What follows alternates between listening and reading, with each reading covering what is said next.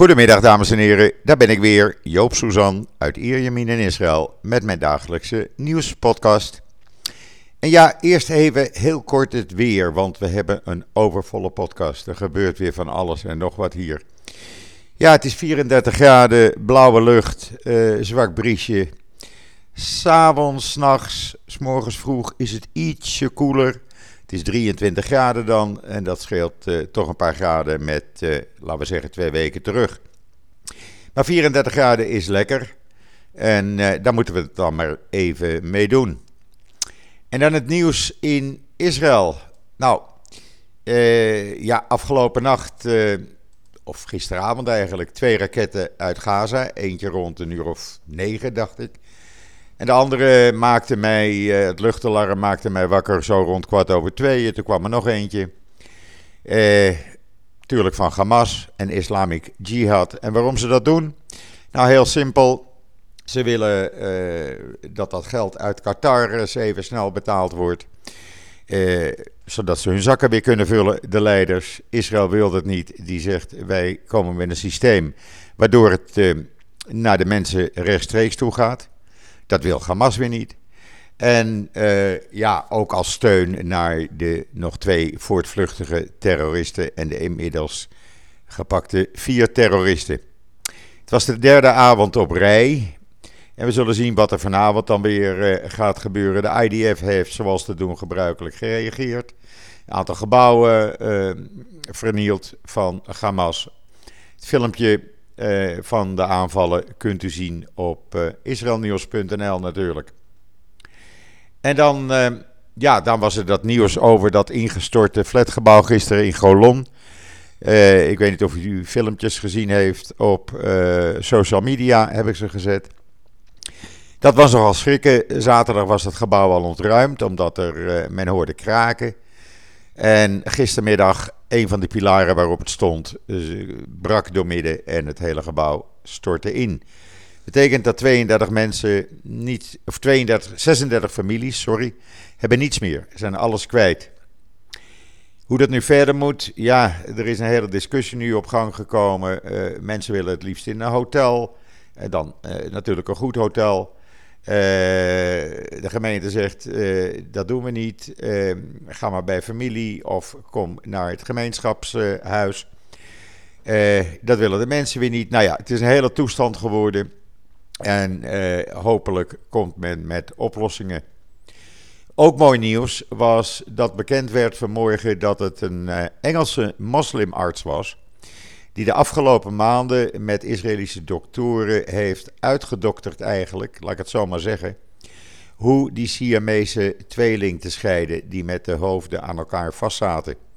Ze hadden gelukkig allebei uh, uh, ieder hersens ontwikkeld, dus ze konden gescheiden worden. Dat is ook gelukt in het Soroka Medical Center in Beersheba. En de tweeling verkeert in goede gezondheid en zal normaal opgroeien. Maar mooi dat een uh, moslimarts daar, daarbij betrokken was. En dan uh, ook in het nieuws. Ehm, ja, de staatsbegroting, zoals het er nu uitziet, zal die zonder enig probleem gaan passeren in de Knesset in oktober. En waarom? Nou, Likud raakte maar niet aan gewend om in de oppositie te zitten. Dus die hebben besloten in geen enkele commissie te gaan zitten. En uh, ja, het zijn toch die commissies waar de stemmingen plaatsvinden. Uh, dus er is geen oppositie en Likud weigert om uh, het normale democratische proces uit te voeren. En dan iets wat ja, toch wel schokkend mag worden genoemd. Ik heb het vanmorgen online gezet. Het staat in de Jeruzalem Post. En het gaat om het volgende. Ik zal het in het kort uitleggen. Dan moet u het opzoeken in uh, de Jeruzalem Post. Uh, er is de jaarlijkse veiligheidsconferentie op het IDC. Uh, en dat gaat dan altijd over counterterrorisme. Eh, het IDC in Herzliya. En ehm, daar komen altijd uh, ja, specialisten op het gebied van terreur en veiligheid. En er was gisteren een toespraak onder andere van de EU-directeur voor veiligheid, meneer Laurent Michel. En wat hij zei, dat vind ik nogal uh, ja, behoorlijk schokkend. Hij zegt dat uh, steeds meer jongeren in de EU uh, ja, zich aangesproken voelen door het idee dat de huidige westerse beschaving maar ten einde moet worden gebracht. het zijn dan jongeren uit, ja, laten we zeggen, niet-Europese, niet uit Europa afkomstige ouders. En die radicaliseren steeds meer uh, vanwege hun perceptie dat de geschiedenis aan hun kant staat. En dat wordt steeds groter en die beïnvloeden ook andere, jongen, andere jongeren. En het feit dat, uh, ja, dat dit nu aanspreekt, einde van de westerse beschaving zoals die nu is in Europa, daar mag de EU en iedereen in Europa zich best eens zorgen over gaan maken, want dit kan natuurlijk niet. Dat is, uh, ja, ik begrijp dat niet. Maar goed, ik woon niet in de EU, uh, maar spreek uw uh, parlementariër daar eens op aan, zou ik zeggen. Lees het in de Jeruzalem Post. Eh, het is een artikel waar de vlag van de EU bij staat. En dan, dan weet u hoe, men, hoe de jongeren in de EU, in ja, steeds meer jongeren, denken eigenlijk. En dan corona. Ja, eh, dat gaat nog steeds niet goed hier. Laat ik het maar gewoon zeggen zoals het is. Het gaat niet goed. En wat wij mee doormaken, meemaken hier in Israël, dat zal uh, binnenkort ook in Europa, ook in Nederland gebeuren. Want wij zijn geen eiland. Gisteren uh, op zondag uh, eh, 7686 positieve geteste patiënten erbij. Het positiviteitspercentage staat op 5,24% Dat was iets minder dan op zaterdag. Toen was het 6,6% Wat opvalt is dat er veel jongeren onder zitten. Meer dan de helft. Eigenlijk 72% van uh, alle nieuwe besmettingen op zondag waren mensen in de leeftijd tot 39 jaar. En het grootste gedeelte, vooral de jongeren tot 20 jaar, niet gevaccineerd. Er is gisteren ook iemand overleden van 21 jaar, een kerngezonde man. En die is gisteren overleden. En vandaag werd bekend dat een van de activisten tegen vaccineren en het dragen van een mondmasker, gezichtsmasker.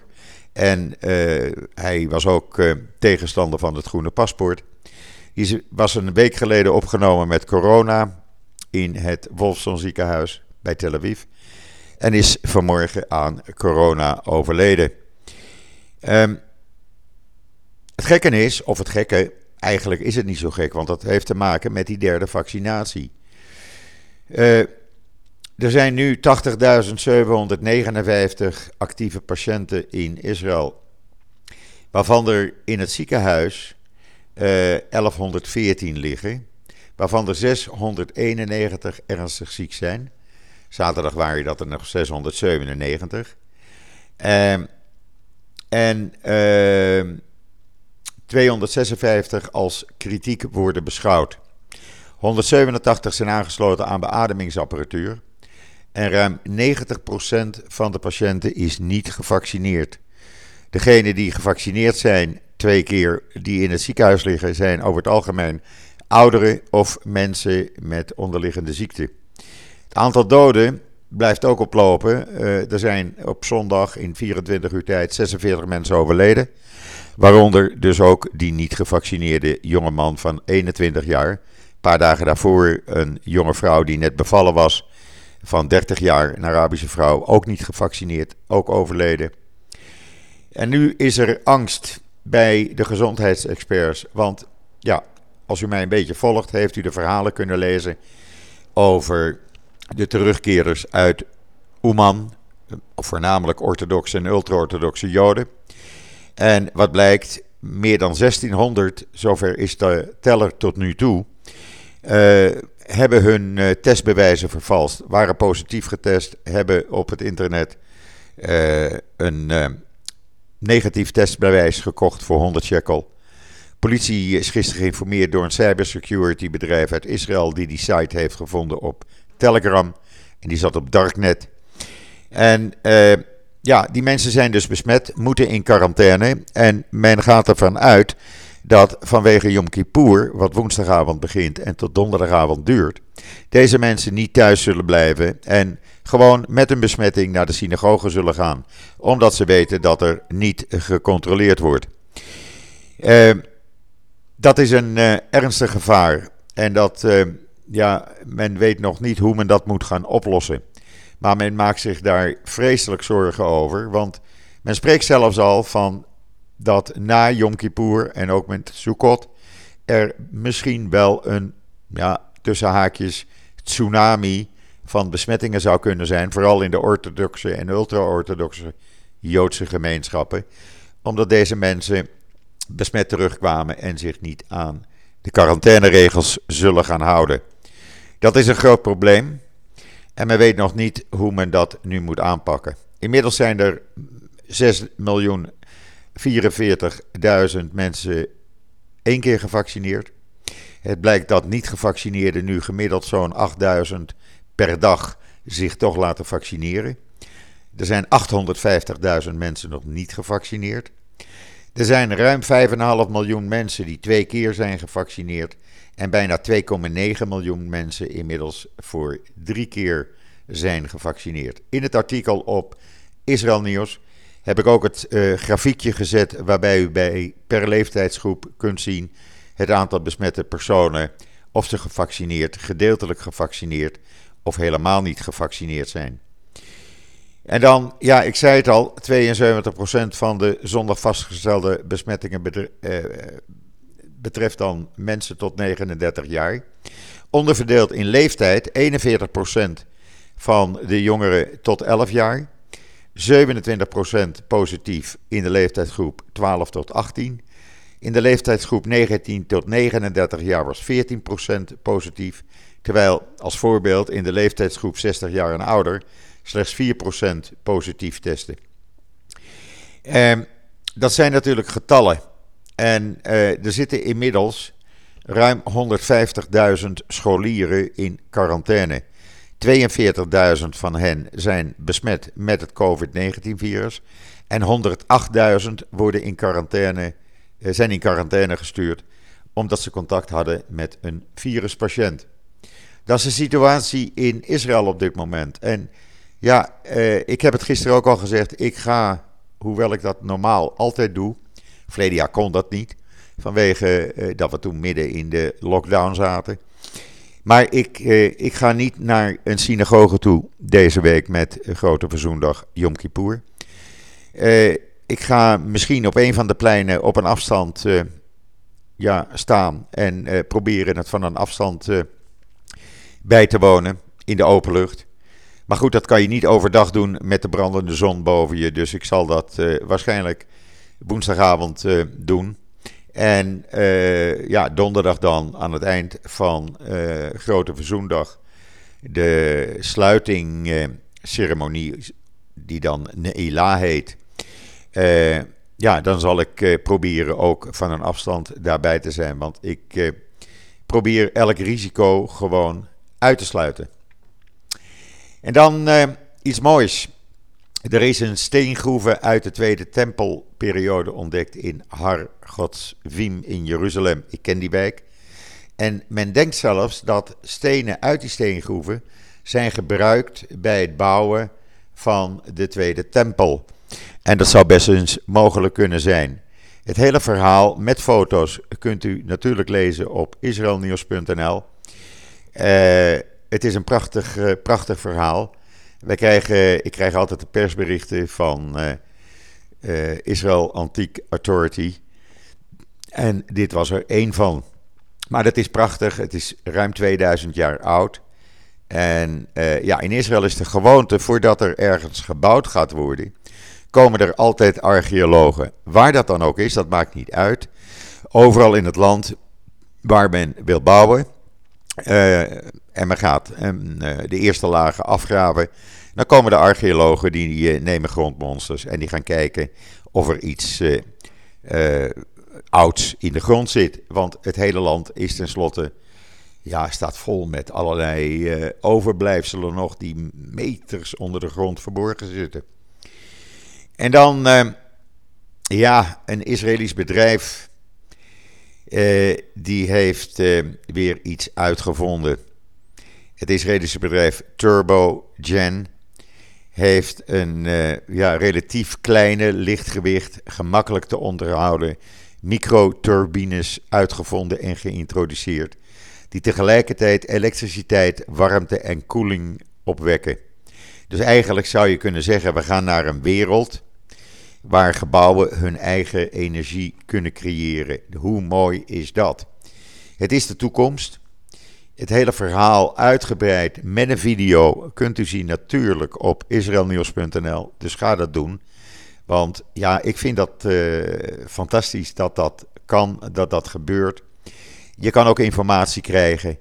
Uh, dus ja, een aanrader om even te lezen. En dan heeft Israël Aircraft Industry, oftewel de IAI, de Rex MK2 uh, onthuld. Uh, ik kreeg het persbericht vanmorgen en ik heb het net op uh, israelnieuws.nl gezet met een video. Er is een nieuw onbemand landvoertuig, elektrisch, voor vele missies geschikt in de infanterie. Het is vierwielen aangedreven. Het ondersteunt de infanterie. Het verzamelt inlichtingen, biedt logistieke ondersteuning. Helpt bij het uitvoeren van aanvallen op afstand. En het voertuig is op het land autonoom met command en control mogelijkheden door één persoon via draadloze communicatie te bedienen. Het wordt deze week eh, in Londen gepresenteerd op een uh, militaire beurs. Maar u kunt het nu al zien op israelnieuws.nl. Nou, ik dacht dat we toch aardig uh, wat nieuws bij elkaar hadden vandaag. En dat voor een maandag. Trouwens, hebben jullie dat nou ook niet? Dat de tijd zo snel gaat? Of ligt dat nou aan mij? voordat je het weet, het is nu alweer maandag. Voordat je het weet is de week alweer om. Het gaat zo snel. Het valt amper bij te benen. Ja, en dan nog even gisteren natuurlijk hebben velen met mij natuurlijk Max Verstappen gezien. Ik was, ik was toch even kwaad hoor. Ik was zo kwaad. Ik was even van slag toen dat ongeluk met Hamilton gebeurde. Even een slokje water. En dan kunnen ze wel zeggen, ja, Max had wat meer uh, ruimte moeten geven. Nee, het was Hamilton die Max afsneed. En die wist, hij wist ook dat Max probeerde hem in te halen. Ik vond het jammer. Maar ik vond het wel gelukkig dat die Haulo Hamilton beschermde. Want als je toch dat filmpje ziet. Hij had zo dat wiel van de auto van Verstappen op zich kunnen krijgen. Jammer dat Max nu drie plaatsen gidsstraf heeft gekregen. Dat betekent als hij over twee weken in Rusland pole position hebt, dat hij dan als vierde mag starten. Jammer. Maar als je nou kijkt naar Bottas, dan uh, die als laatste gestart was en die toch als derde eindigt. Nou, dan vind ik dat toch ook wel een prestatie. En ik vond het dan leuk. Dat deed me dan wel goed. Ik vind Daniel Ricciardo een hele geschikte peer. En dat hij dan gisteren de race won, de Formule 1 in Monza. Dan zeg ik, nou, ik gun het hem. Uh, ik, zie, ik zag gisteren uit de reacties dat velen uh, net zo denken als ik. Dus ja, jammer voor Max. Maar hopelijk zijn zijn kansen niet vergooid op het wereldkampioenschap. Goed, dat was het voor vandaag even. Rest mij u nog een hele fijne voortzetting van deze maandag, de 13e september alweer, toe te wensen. Wat mij betreft, ik ben er morgen weer. En zeg zoals altijd: tot ziens, tot morgen.